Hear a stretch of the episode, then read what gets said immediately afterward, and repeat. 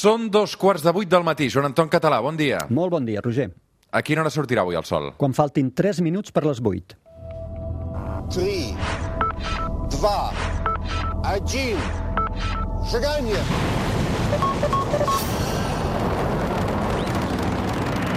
One small step for man, one giant leap for mankind.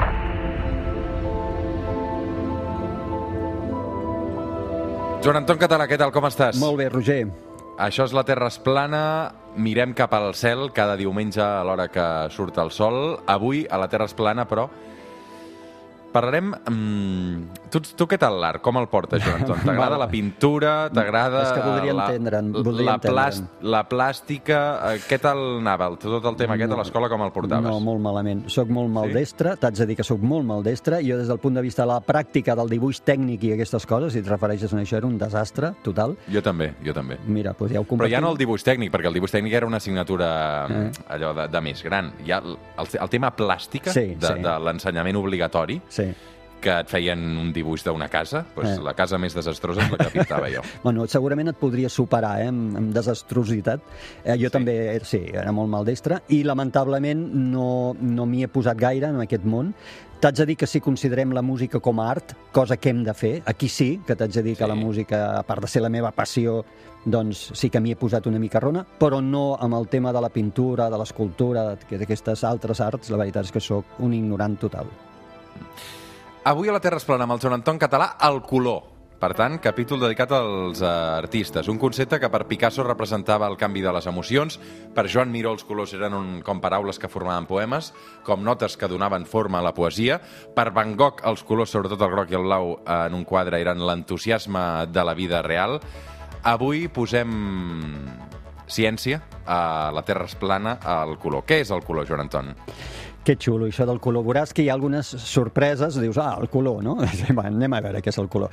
D'entrada, és la percepció que tenen els nostres ulls i cervell de la llum que ens envolta, és a dir, com interpreten aquesta llum. En concret, com interpreten la llum que reflecteixen, absorbeixen o emeten els subjectes. Ara ho anirem veient. Això vol dir que el color, en definitiva, és una combinació de dues coses, de dos fenòmens. Un fenomen físic, això que dèiem ara, com els materials absorbeixen, reflecteixen o emeten la llum que els hi arriba, i un fenomen de percepció, com els nostres ulls i el nostre cervell interpreten aquests senyals que, arriba, que arriben al, als ulls i ens donen aquesta eh, imatge de color.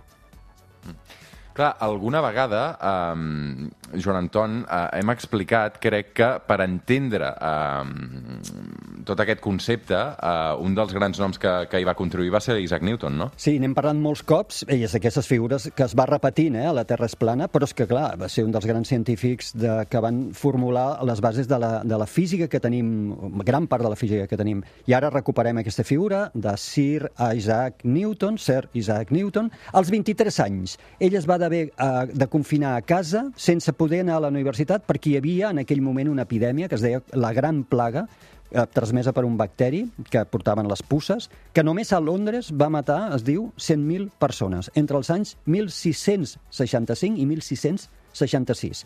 Que el tio es devia avorrir, i com a bon científic doncs, ha- havia de fer cos cosetes, i es va posar a practicar, a experimentar amb la llum. I allà és on va fer els famosos experiments amb prismes, aquests que descomponent la llum del sol que tots eh, hem vist. I allà se'n va adonar que la llum blanca del sol en realitat estava composta per diferents colors. Avui sabem que sí, que efectivament aquesta llum blanca és el resultat de la combinació de diferents tipus de llum. I aquests tipus de llum, cadascun d'ells ve caracteritzats per la quantitat d'energia que transporta. Doncs centrem-nos en aquesta llum, Joan Anton, perquè, eh, com dius, n'hi ha de molts tipus diferents, eh, cada una té la seva energia particular. Per tant, Joan Anton, centrem-nos en això. Va, la llum, que recordem que s'anomena a la física, tècnicament, eh, radiació electromagnètica, inclou, com ja hem explicat altres ocasions, recordem, la radiació gamma, els rajos X de la consulta del metge, els ultraviolats, els infrarrojos, les microones d'escalfar els espagueti o les ones de ràdio. Tot això són formes de llum, igual com ho és la llum visible, que és l'única que els nostres ulls, per això es diu visible, poden veure. Però tot això és llum. Cadascun d'aquests tipus de llum té la seva pròpia energia. Uns transporten més energia i els altres menys. Uh, per exemple, els rajos gamma transporten moltíssima energia. Les zones de ràdio transporten poca energia, per exemple. I fins i tot el rang de llum visible, aquesta petita fracció de llum que els nostres ulls poden veure, també cada component d'aquesta llum visible transporta un diferent, una diferent quantitat d'energia. Per exemple, la llum vermella és més freda, tot i que sembli antisentit comú, transporta menys energia que la llum blava, que és més calenta. De manera que quan la llum blanca la pots descompondre amb tots aquests colors que sabem, doncs això obtens un continu de diferents tipus de llum, de diferents tipus de color, cadascun d'ells transportant una energia diferent. Mm. Sabem també que interacciona amb els objectes que, que la poden absorbir o la poden reflectir, fer rebotar, no? Clar, i aquesta és la clau del color, com ara veurem. Perquè quan aquesta llum toca un objecte, la superfície d'un objecte, eh, interacciona amb les molècules i amb els àtoms que formen les superfícies d'aquests materials. Com que havíem, acabàvem de dir que cada tipus de llum transporta una determinada quantitat d'energia, això fa que hi hagi tipus de llum, ara veurem colors, per entendre'ns, que interaccionen més o menys amb aquests materials que formen les superfícies de, dels subjectes. Per exemple, eh, depenent de l'energia que porti aquella llum, podrà ser absorbida per les molècules de la superfície o no. Si porta menys energia o més energia, aquella molècula d'alguna manera no podrà processar, no podrà absorbir aquella llum.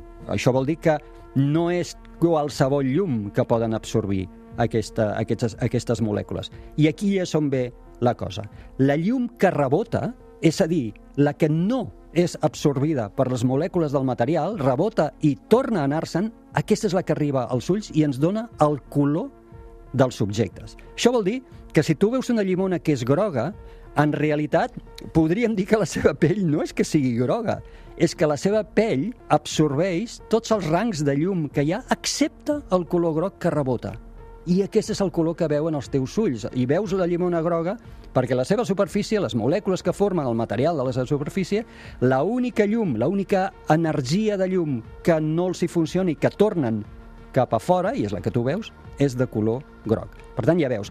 I els objectes blancs els veiem així perquè reflecteixen tota la llum que els hi arriba, no n'absorbeixen cap.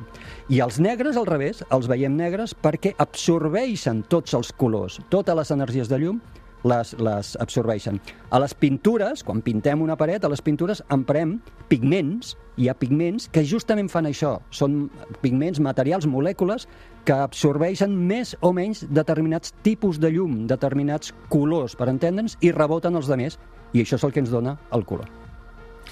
Avui a la Terra es plana amb el Joan Anton Català als colors.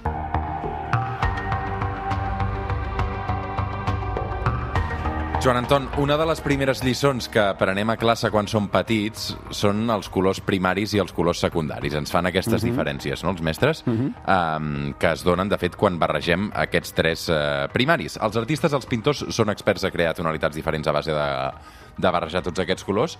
Eh, Per què quan barregem dos colors en tenim d'altres de diferents? Clar, si apliquem això a les pintures, és el que ara dèiem, no? cada pintura té, li hem posat uns pigments per assegurar que la llum que rebota ens porta la informació de color que nosaltres volem al cervell. Doncs quan tu barreges pintures, el que estàs fent és barrejar els seus materials, barrejar els pigments i obtens doncs, altres combinacions de llum que són rebotades, que recordem, eh? és la llum que rebota, la que no interacciona amb el material, la que finalment ens donarà eh, el color en el cervell.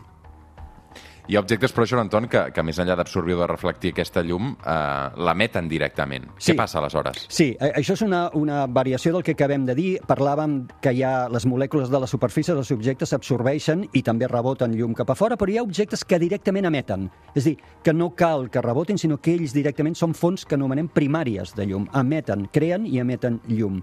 I aquesta llum també pot portar color, perquè ja d'origen aquesta llum pot, pot estar fixada en una determinada energia, per exemple, pot emetre directament llum vermella o llum groga, o pot emetre una combinació també de llums. Sabem que la llum del sol justament és això.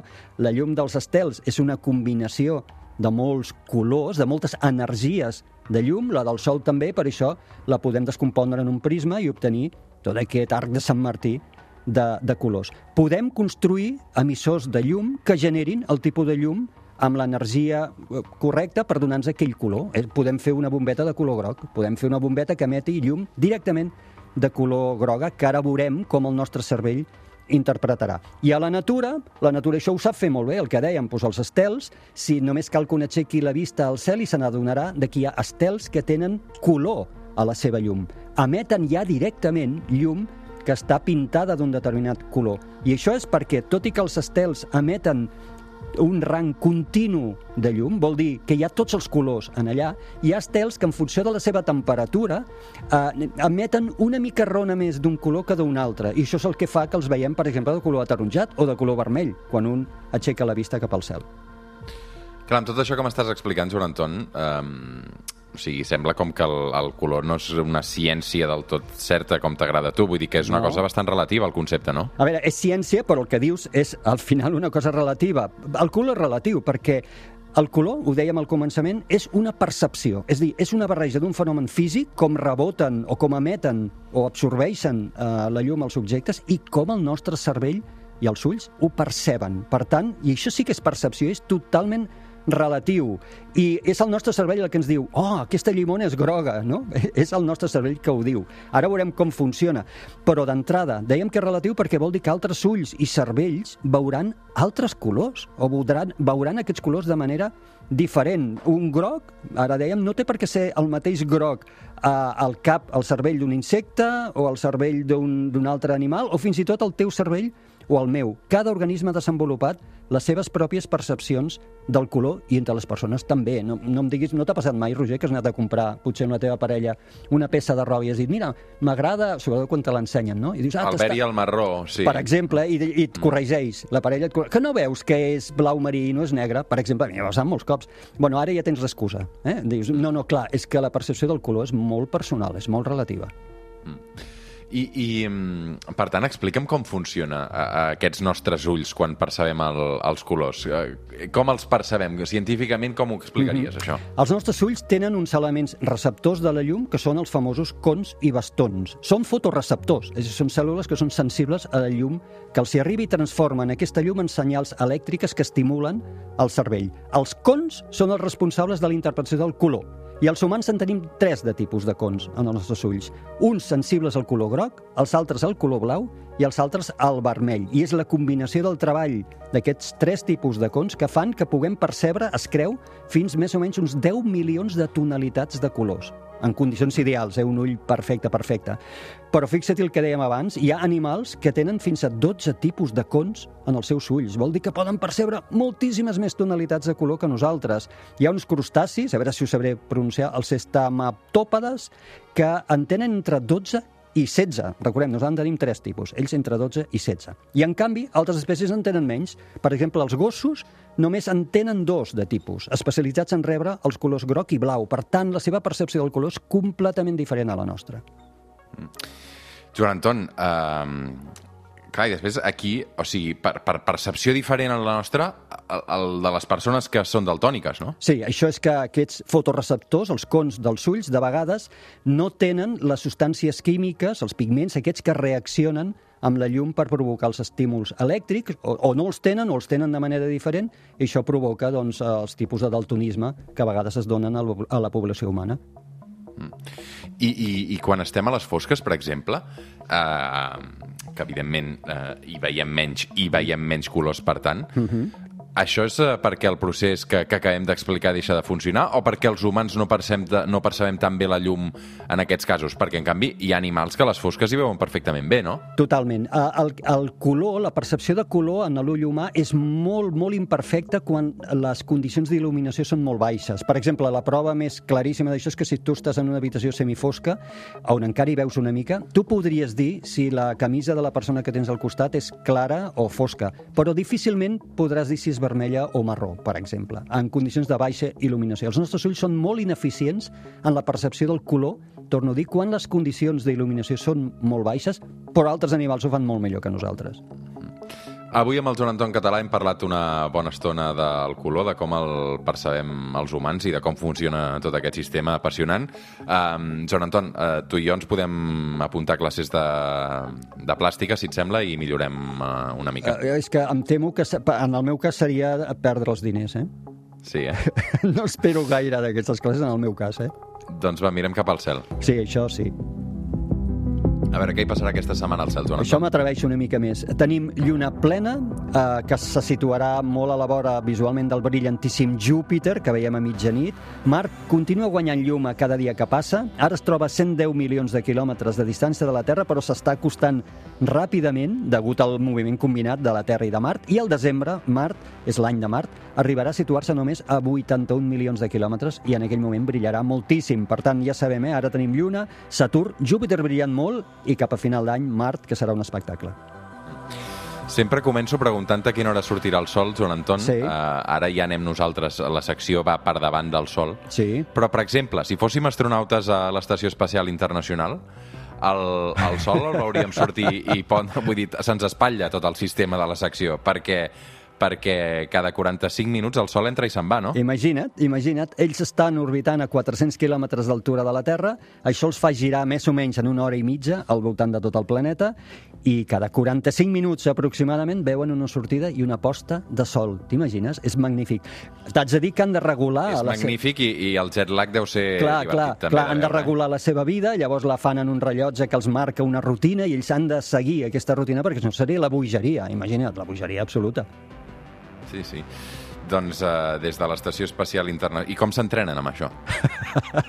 Clar, vull dir, com, com s'en- com s'entrena? O sigui, com, com, com s'habitua el cos a dir, escolta, més que el sol eh, es pon i, i surt cada 45 minuts. No, a veure, mi- això jo crec que aquí no ho entrenen, ara estic improvisant una mica, jo penso que Sí. això és la rutina que adquireixen allà a l'espai, però t'haig de dir que no tota l'estació espacial està plena de finestres. És a dir, ells, per exemple, tenen la cúpula, que és un lloc que sí que els hi han construït amb finestres a, a tot arreu perquè puguin gaudir de les visions de l'espai i de la Terra. Però quan ells estan dins treballant o, o dormint, dins de l'estació espacial no hi ha finestres, no, no és un lloc on hi hagi finestres. Per tant, d'alguna manera, el fet de que hi hagi postes o sortides de sol cada 45 minuts, ells no ho noten, eh, en la majoria dels casos.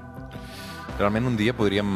Podríem anar-hi? que Podríem anar-hi, vols dir? No, an Ah. anar-hi també. I, I parlar de com el cos no, està adaptat per funcionar de Sí, dia. No? sí. I, i, I realment treballar de nit és una anomalia que, que, que, que fa que, que el cos no funcioni bé del Correcte, els humans ens hem eh, evolucionat, ens hem desenvolupat per funcionar de dia i dormir de nit, a diferència... Som diurns, eh?